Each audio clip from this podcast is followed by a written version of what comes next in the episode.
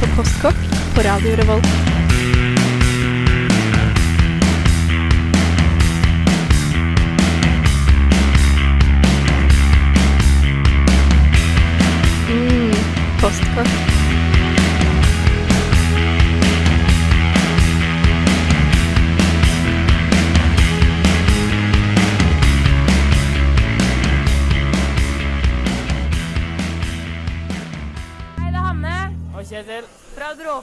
Du hører på Postkak. Det gjør du rett i. Eh, Vi har tema kokebøker i dag, og det har endt i at vi har tatt med oss sånn ca. 3000 sider om mat eh, til Lukasbygget, hvor vi sender fra. Og eh, vi har da snakka litt om hvilke forhold vi har hatt til kokebøker, og vi har lyst til å formidle hva som gjør en god kokebok. Og har du noen preferanser på kokebøker, Bendik?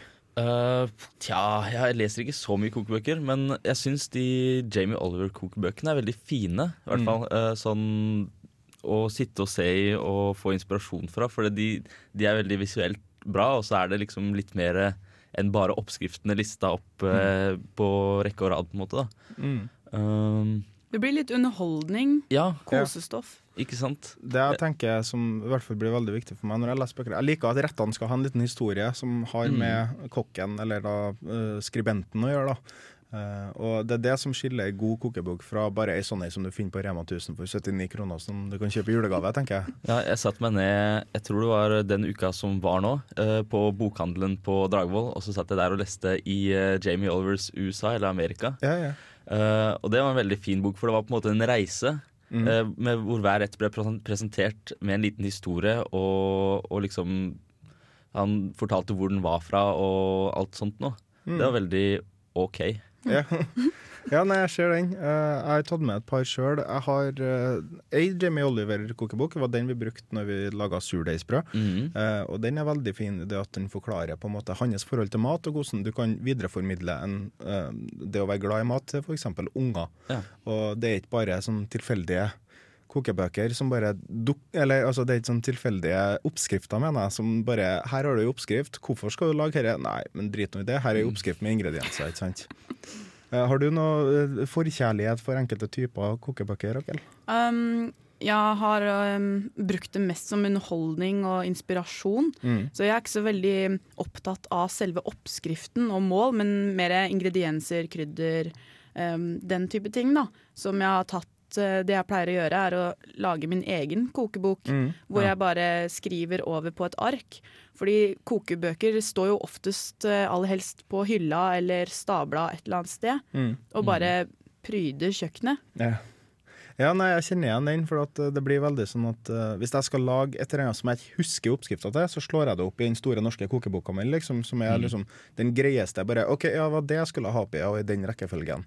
Men Ja. når jeg først leser jeg, si, uh, Jamie Oliver-kokebok, så vil jeg liksom ha inspirasjon, jeg vil se på bilder, jeg vil høre en liten uh, fortelling, og jeg vil vite hva jeg skal lage neste gang jeg skal lage noe kult. Ja, ikke sant? Det er litt forskjell på det, Mm. hvordan du leser den. Ja.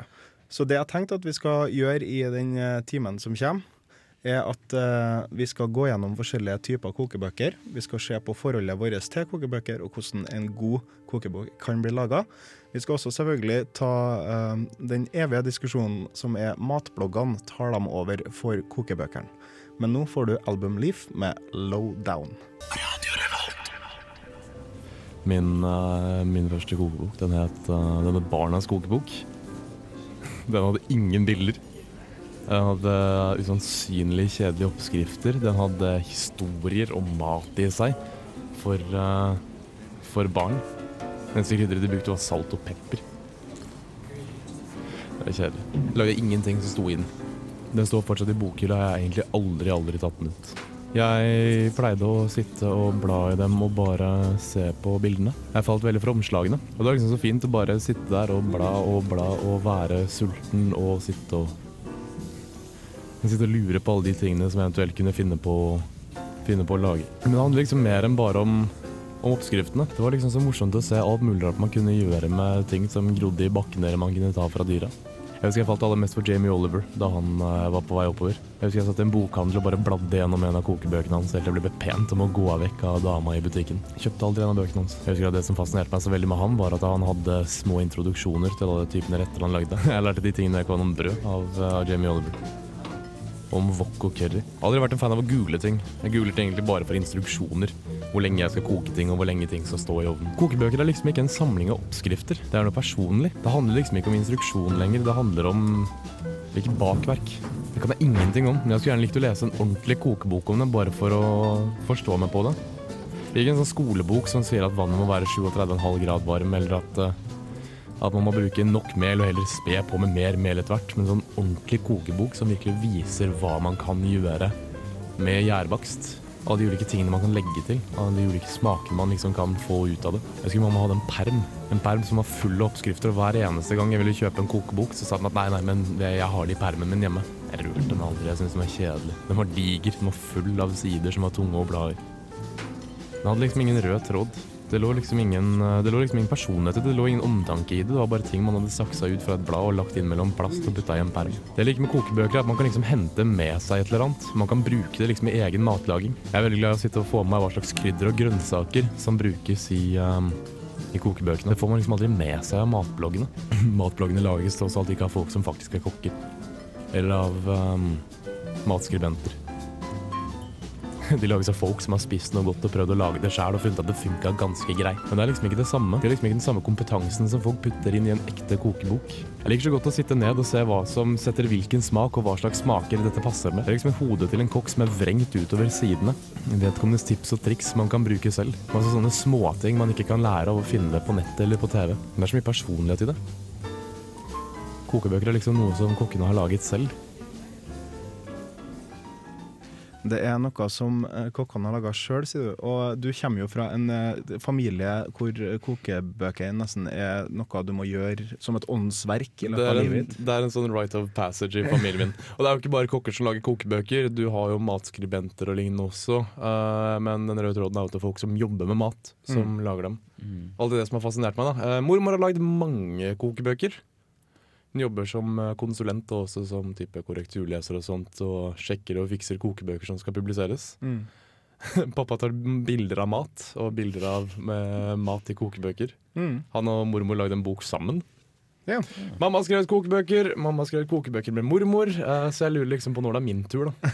Kan du ikke lage en eh, selvbiografi som går ut på mitt liv i en kokebokfamilie? Jeg må jo nesten det. Eller så kan det være, istedenfor å være en selvbiografi, så kan det være en kokebok. A recipe for disaster. Ja. Ah, nei, det er veldig søndag. Dere må beklage det der, altså. Men det jeg tenkte å snakke litt om, det er for at jeg og eh, mora mi hun hadde ei kokebok som mormora hennes begynte på. Det er de der på en måte det å lage kokebøker sjøl. Eh, og det er ofte når man blir interessert i ei oppskrift, så kan man hende at man skriver den ned. Jeg vet at du, Rakel, har gjort det. Og da blir det et mer personlig preg over kokeboka, særlig hvis den da går i generasjoner. Eh, så jeg er veldig glad for at jeg har tilgang til en sånn kokebok hvor det står liksom eh, tippoldemor sin oppskrift på eh, kjøttkake, liksom. Jeg syns det er artig, da. Og det er litt mer eh, det, det eh, kjære forholdet som man har til kokebøker, i forhold til det at her er en bok som en eller annen har laga som jeg aldri har snakka til. Her er noe som familien min faktisk har laga. Men det er det jeg, jeg syns er så fint med kokebøker, at det skal være personlig. Det skal liksom være da din mormors eller din farmors kjøttkaker som blir lagd der. På samme måte som da en som har skrevet en kokebok og som jobber med mat, har liksom lagt sjela si og sin inspirasjon da, inn i dette her. Mm. Det er derfor jeg liker så godt å lese dem. Ja. Pluss at bildene er pene. Ja, og eh, jeg tok med en bok som heter 'Norsk husmannskost' av Tom Viktor Gausdal, som vant eh, Hva står det her, da? Winner of eh, Gourmand, Gourmand World Cookbook Awards. Og den er kjempefin, fordi at jeg liker den fordi at den, eh, det er norsk mat som står i fokus. Og han istedenfor å da hva skal jeg si, ta så fjonge opp maten sånn at den blir liksom moderne og sånn der, så tar han heller og presenterer den gamle, gode husmannskosten på en inspirerende og på en fin måte. Kan ikke du ta et uh, eksempel fra boka, Erik? Eh, jo, det kan jeg gjøre. Uh, vi kan se på sosekjøtt. Ja.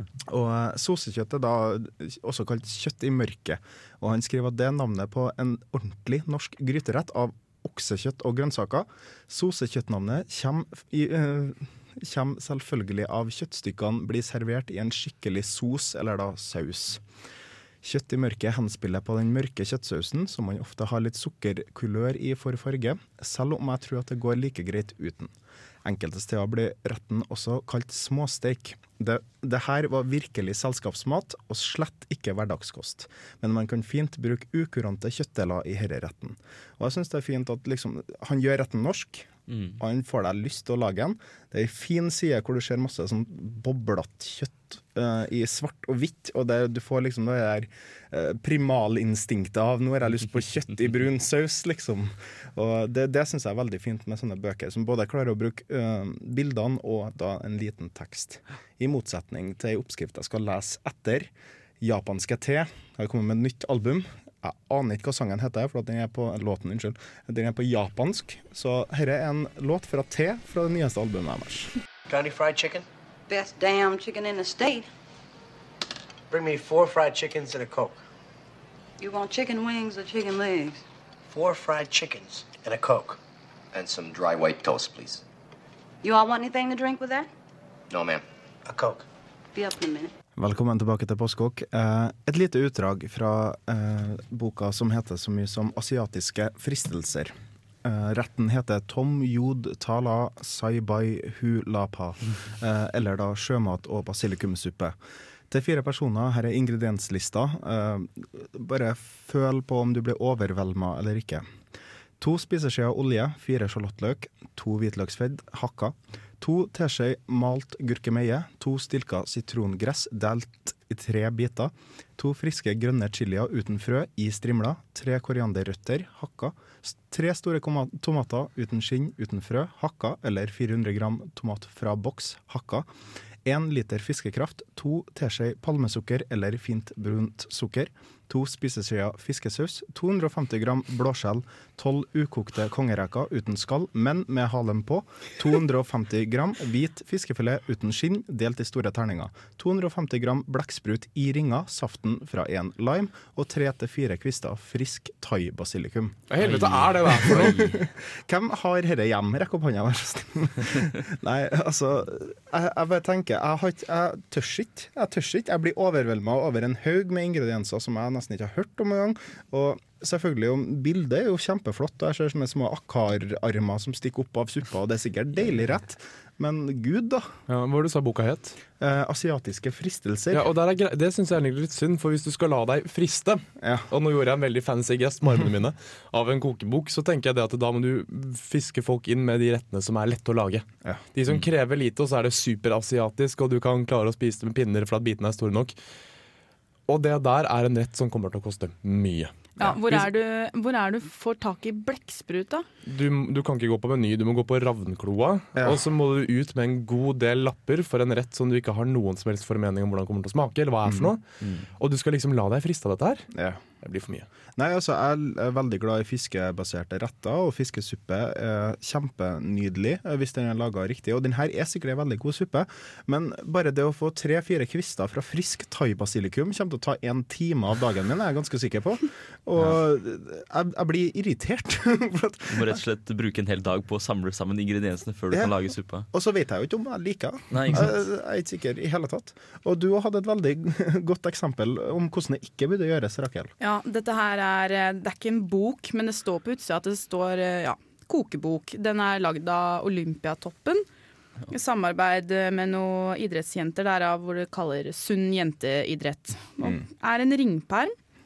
Eh, Så har de foreslått en tomatsuppe her, og da en pose tomatsuppe. En pose tomatsuppe. Du kan ikke Åh, please, da. Hvorfor ha posesuppe Pose. i en oppskriftsbok? Det gir jo ikke mening i det hele tatt. Husker dere jeg nevnte i min reportasje at jeg hadde en kokebok for barn uten bilder, med tegninger i og sånn skikkelig ræva oppskrifter? Der var en en pose tomatsuppe, og oppskriften var 'følg anvisningene på pakken'. pakken'. herreg. Kok egg. Hvorfor ha det i boka i det hele tatt? Du kan jo bare se på posen. Ja. Kok egg som nevnt på side 24. For- Det Det var vel det. Eh, var vel trikset i den der tomatsuppeoppskrifta òg. Ha i egg. Men det er en sånn ting som alle vet. Visste du at brødskiva Erik, den kan du ha smør på? Nei. Du kan ha pålegg oppå brødskiva. Jeg har brukt jeg, hele verden, hele livet mitt så har jeg hatt under Under brødskiva. Jeg skjønner ikke hvordan Wow. Men det som, meg, det som irriterer meg mest, da, er at eh, de holder seg ikke til konseptet. Det, er, det skal være sunn mat Mhm. for idrettsutøvere. Mm. Det er også et forslag her med milkshake og vaniljeis. Ja. Uh. Man blir frustrert. Men jeg tenker det at tomatsuppe er verdens enkleste ting å lage fra bånn av også. Mm. Det er seriøst bare to tomatbokser, litt chili, litt rømme eller krem fresh, og så lar du det koke. Det, det krever ikke mer. Bitte litt grann sukker for å jevne ut smaken. Du kan også raspe gulrøtter, som gir en mye jevnere, finere søtsmak, har jeg lært av Erik. Ja. Men det er, så, det er så sinnssykt enkelt.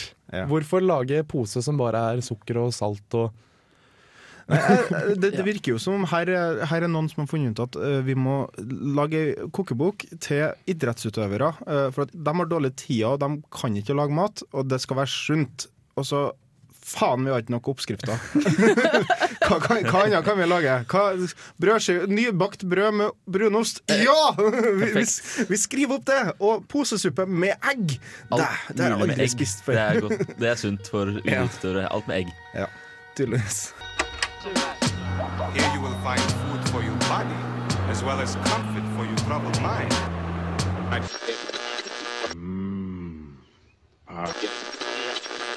hungry. Let's get to the good stuff. Hør nå, jeg er ikke kokken din. Jeg er ikke kokken din. OK?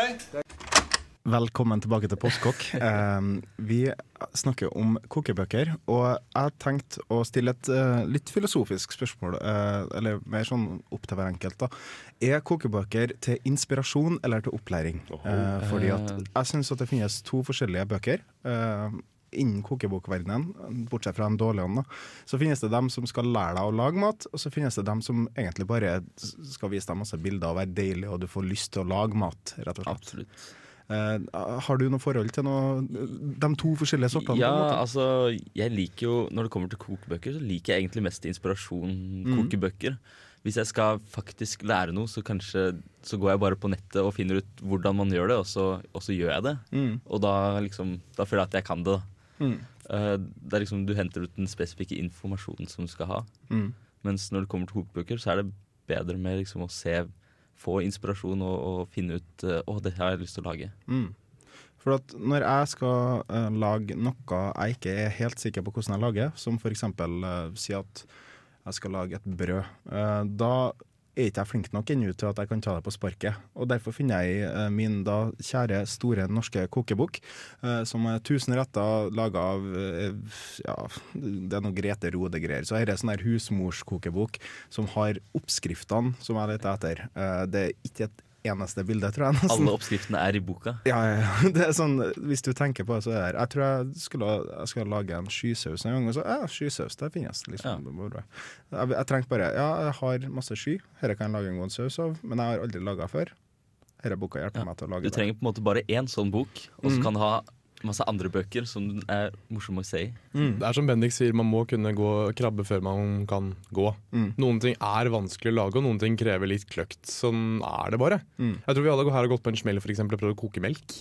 Ja. Ja. Jeg, kan, jeg, jeg, jeg, jeg gleder meg til det punktet i livet hvor jeg ikke brenner å koke melk. Eller hvor det ikke eh, For jeg, jeg har ikke tålmodigheten til å fære og eh, holde på sånn. Og det, det er en sånn ting som folk må kunne for eksempel si at noen, man skal steke en del ting på lav varme. Mm. Kjøtt for eksempel bør man steke på lav varme.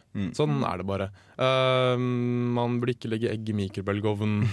Uh, man burde ikke steke ting i kjeler, for kjeler er lagd for å holde på fuktighet, men stekepanner er lagd for å ikke holde på fuktighet. Og Det er sånne Ja. ting som er greit å vite, og da er jo instruksjonsbøkene, altså de litt mer belærende kokebøkene, sånn som Jamie Oliver for eksempel, kjempebra. Mm. Jamie Oliver har jo med små tekster litt sånn her og der med tips og triks til hvordan og hvorfor Mm. man lager mat på den måten man gjør, og hva som er basisen for retten. Ja, jeg jeg syns helt klart det skulle vært én bok, eller det finnes sikkert helt der ute.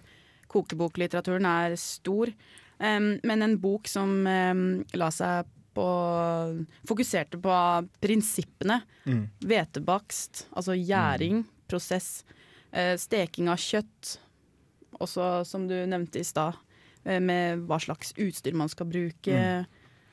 Ikke, ikke kok melk og sånne ting. Bare sånne ting du ikke skal gjøre. Ja, Mm. for at jeg føler meg litt sånn eh, Si at jeg har et helt nytt stykke av et eller annet dyr som jeg aldri har laga før. Si at jeg skal lage hvit eh, Si at jeg skal lage kveite. Kveite er ikke noe jeg lager veldig mye. Jeg lager laks og ørret, men kveite vet ikke jeg hvordan oppfører seg. Men hvis jeg slår opp i ei kokebok som bare har oppskrifter, så står det liksom ja, du steker en sånn som sånn til den ser sånn ut. Og da Mm. vet ikke jeg helt hvordan den skal se ut. Og det samme som eh, når jeg lager, prøver å lage brunsaus fra bunnen av. Steik eh, eller ta og få melet og smøret til å bli nøttebrunt. Hvordan nøtt? Vær så snill. det finnes forskjellige nøtter. jeg føler meg litt Nei, jeg får litt sånn angst. Og blir dette en bra brunsaus? Jeg har lyst til at kjøttkakene mine skal være gode. Denne brunsausen Er den tjukk nok? Er den tynn? Hva, Hvilken Ja. konsistens jeg leter etter? Eh, Jeg kikka litt i den ene kokeboka di, Steirik, Mm. den Masterchef. Og der var det en oppskrift på et eller annet fisk av Mm. eh, Hellstrøm.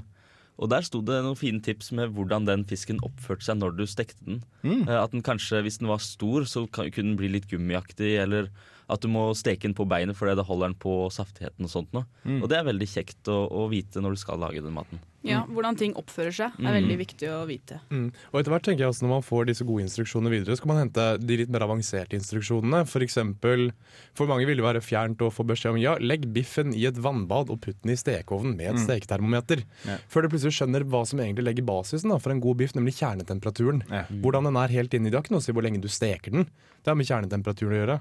På samme måte som egg også. Det har ikke noe å si hvor lenge du koker det. Det er egentlig med kjernetemperatur å gjøre. Mm. Som vi prata om, Erik, så kan du f.eks. la et egg ligge og trekke, egentlig. Mm. På samme måte som pølser. Ja.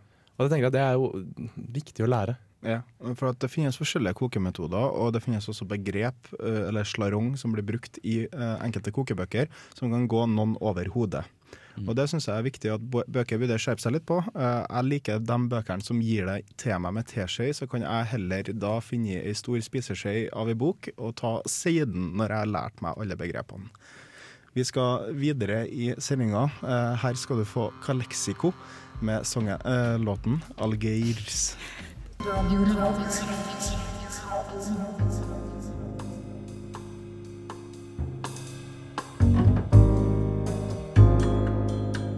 Har du noen gang lurt på hvorfor enkelte ingredienser passer spesielt godt sammen? Du har kanskje prøvd en overraskende smakskombinasjon som viste seg å fungere skikkelig bra?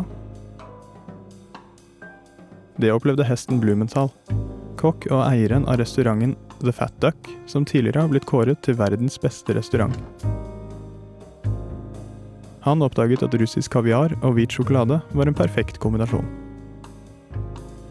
Nå er ikke Blumenthal en hvilken som helst kokk, han driver med såkalt molekylær gastronomi, og ville derfor vite hvorfor nettopp disse to ingrediensene passet med hverandre. Han ga kaviaren og sjokoladen til en forsker som er spesialist på duft og smak, slik at det kunne analyseres. Det de fant, var at kaviaren og den hvite sjokoladen hadde en rekke smaksstoffer felles. Basert på dette, samt andre tilsvarende funn, dannet de hypotesen om at to ingredienser vil smake godt sammen dersom de inneholder flere av de samme smaksstoffene. Dette kalles food pairing og har ført til en lang rekke overraskende, men velsmakende retter. Så neste gang du ønsker å prøve noe nytt, hva med å prøve ananas med blåmuggost? Eller østers med kiwi?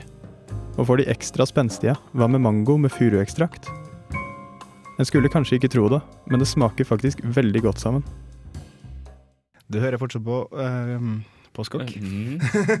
det var nesten så jeg sa kontroll til litt her. Mm. Eh, men eh, vi skal snakke litt om eh, det å lære om mat i skolene.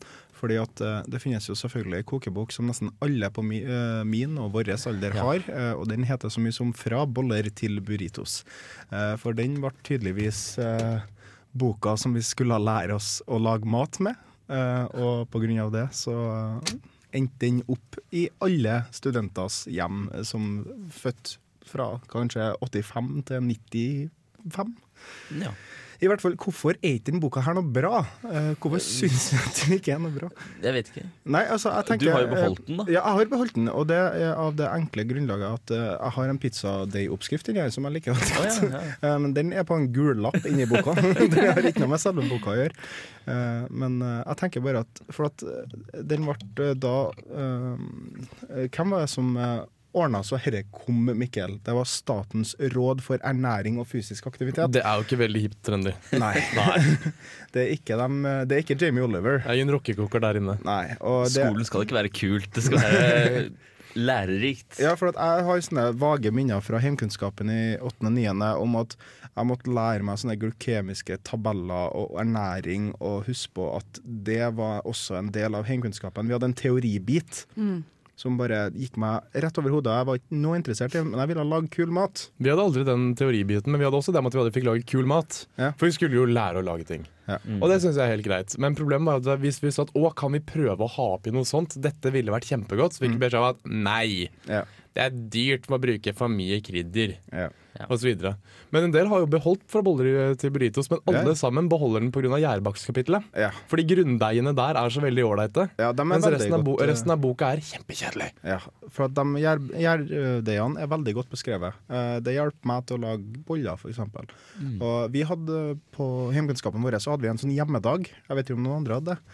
Eh, hvor vi da skulle lage middag til familien. Ja, ja. Eh, ja, og det, det syns jeg var artig. Det Mhm. var et godt eh, eksempel på hvordan Nå skal du lage mat til familien din, og så skal familien din gi deg en karakter. For det, Mora mi fikk i oppgave å gi meg en karakter etter den dagen, og da skulle vi lage middag. Vi skulle gjøre husarbeid.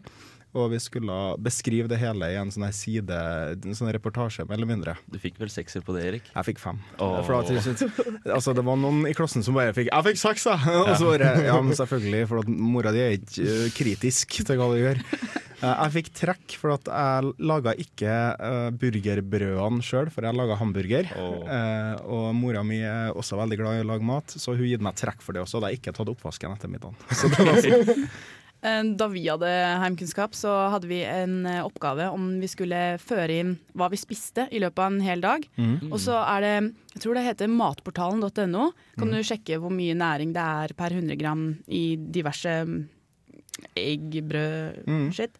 Og da fikk jeg litt sjokk, for da jobba jeg, eller sto i kiosk på håndballkamp. Mm. Da var det sånn tre vafler, to Stratos. Ja. Så da, men det er um, det at eh, skolen er med på å bevisstgjøre hva du får i deg. Mm. Akkurat det likte jeg, for det er jo Ja, det er viktig, og jeg vet om flere som har eh, ført uh, matdagbok og bare gitt opp etter den tredje dagen, for herregud, hva jeg har i meg, og så bare ikke tørs å dokumentere det videre, liksom. Det blir veldig slitsomt. Men det er liksom å sjekke kontoutskriften sin, hvor mye penger man har igjen på konto Mm. etter en Mm. viss periode til studielån.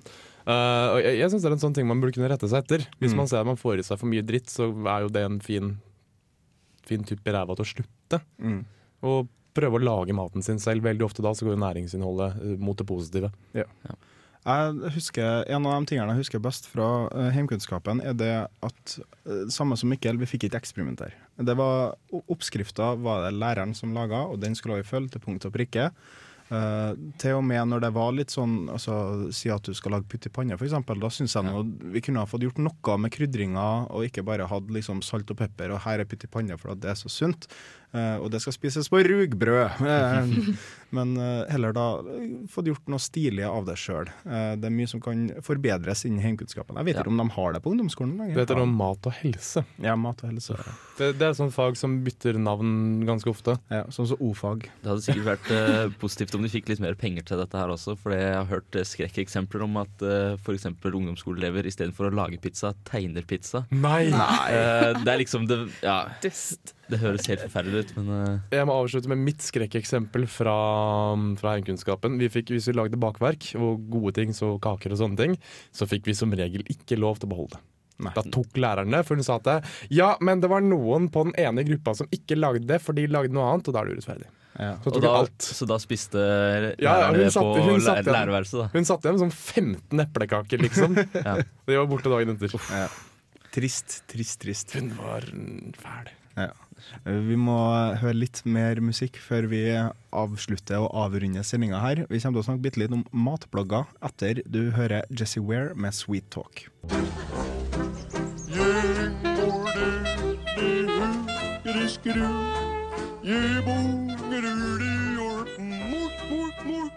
Nå hører du på Postkokk! Det gjør du rett i. Eh, vi begynner å nærme oss uh, sendingas slutt, men vi har lyst til å slå et lite slag for eh, kokeboka, rett og slett. Fordi at uh, nå har intervubsoren uh, tatt over med sine matblogger, og plutselig så kan alle sammen som har en smarttelefon og Instagram, være en matblogger med å bare poste et bilde og så 'Jeg laga meg så deilig mat'. Se hva jeg har laget. så er gjerne ofte brødskive med hvitost og en kopp kaffe, men ja. Spagetti Ja, spagetti, liksom. Wow. Det jeg ikke liker med matbloggene, er at man har ingen garanti for at vedkommende er flink. Nei. Det eneste man vet om vedkommende, er at de kan ta bilde av noe, eller låne bilde av noe, og copy-paste en oppskrift. Hvis de brenner maten sin til døde til de uspiselige, så vet ikke vi det. Fordi de kan si at det var kjempegodt. Ja. Ja, det, det Du har er- liksom ingen profesjonell garanti her. Nei, og det finnes, altså Nå sier vi ikke at alle matblogger er forferdelige, for at det finnes veldig mange fine matblogger òg. jeg har lyst til å trekke fram eh, The Food In My Beard, en veldig fin matblogg. Og The Pioneer Woman, tror jeg den heter. Da vil jeg også trekke fram norske Trines matblogg, som Ja. er veldig god. Oh, ja, den har ikke jeg sjekka ut. Er ikke du fotballdama? Det vet jeg ikke, men kokebok Den er god. OK. Ja. Det er fin mat der. Og ja. selvfølgelig da vår eh, kjære matpornonettside eh, Foodgawker. Mm -hmm. det, er, altså, det er matporno i sin rette forstand. Den blir det er bare fine bilder av mat, og hvis du trykker på, så får du en bloggpost av noen. Eh, Men der er det kanskje mer viktig at maten ser fin ut, og det fungerer bedre som inspirasjon enn det gjør som eh, Ikke gå dit hvis du er veldig sulten. Nei, da blir du enda, enda mer sulten. Mm. Så det anbefales ikke. Men er det sånn at eh, tror dere at uh, kokebøker kommer til å gå ut? Er noe, nå som vi har Google, nå som vi har smarttelefoner um, Jeg tror ikke det. Det, har jo, det kommer jo så mye nye kokebøker hele tiden. Og folk hadde jo ikke gitt de ut hvis de ikke solgte. Nei, det er sant. På en måte. Så jeg tror ikke det er slutt på det, altså. Nei, det tror ikke jeg heller. Um, Nummer én, hun er ikke fotballfrue. Jeg sjekka. Ja, okay, ja. Eh, For det andre, jeg, jeg tror at altså, kokebøkindustrien er enorm. Ja. Det produseres så mange kokebøker og så mange konsepter, og det er så populært å være kokk nå. Alle digger Hellstrøm og Harald Osa og Jamie Oliver. Mm. Det er så utrolig moteriktig at jeg tror ikke kokebøkene går noe sted. Nei.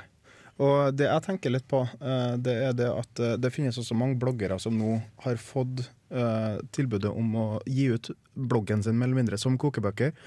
Da spesielt Cooking Comically, vet jeg, som kom ut med ei. Og det, det er sånn konseptkokebøker hvor han lager en tegneserie samtidig som han lager mat, på en måte. Og uh, han presenterer på en veldig sånn festlig måte. Ja. Uh, men det jeg tenker altså, Det må jo bli nok en plass. Uh, nå får du mat i både hytte og gevær, og jeg, jeg syns det er greit å bare ha de bøkene jeg har, og så se på inspirasjonen min på nettet, kanskje. da. Det vi snakka litt om i stad, å skrive over eh, oppskrifter på ark. Det er jo kjempekoselig å få i f.eks. bursdagsgave, julegave. Mm. Og særlig om familien din da har ei oppskrift eh, liggende, eller oppskriftsbok en eller annen plassen. Finn i den boka, lag Mm. eh, bestemora di si skuffkake, eller eh, et eller annet som du syns ser spennende ut i den boka. Ja. Vi heter Boskok, og vi er tilbake neste søndag. Ha det bra. Ha det bra. Takk for meg. Du hører på Radio Revolt, studentradioen i Trondheim.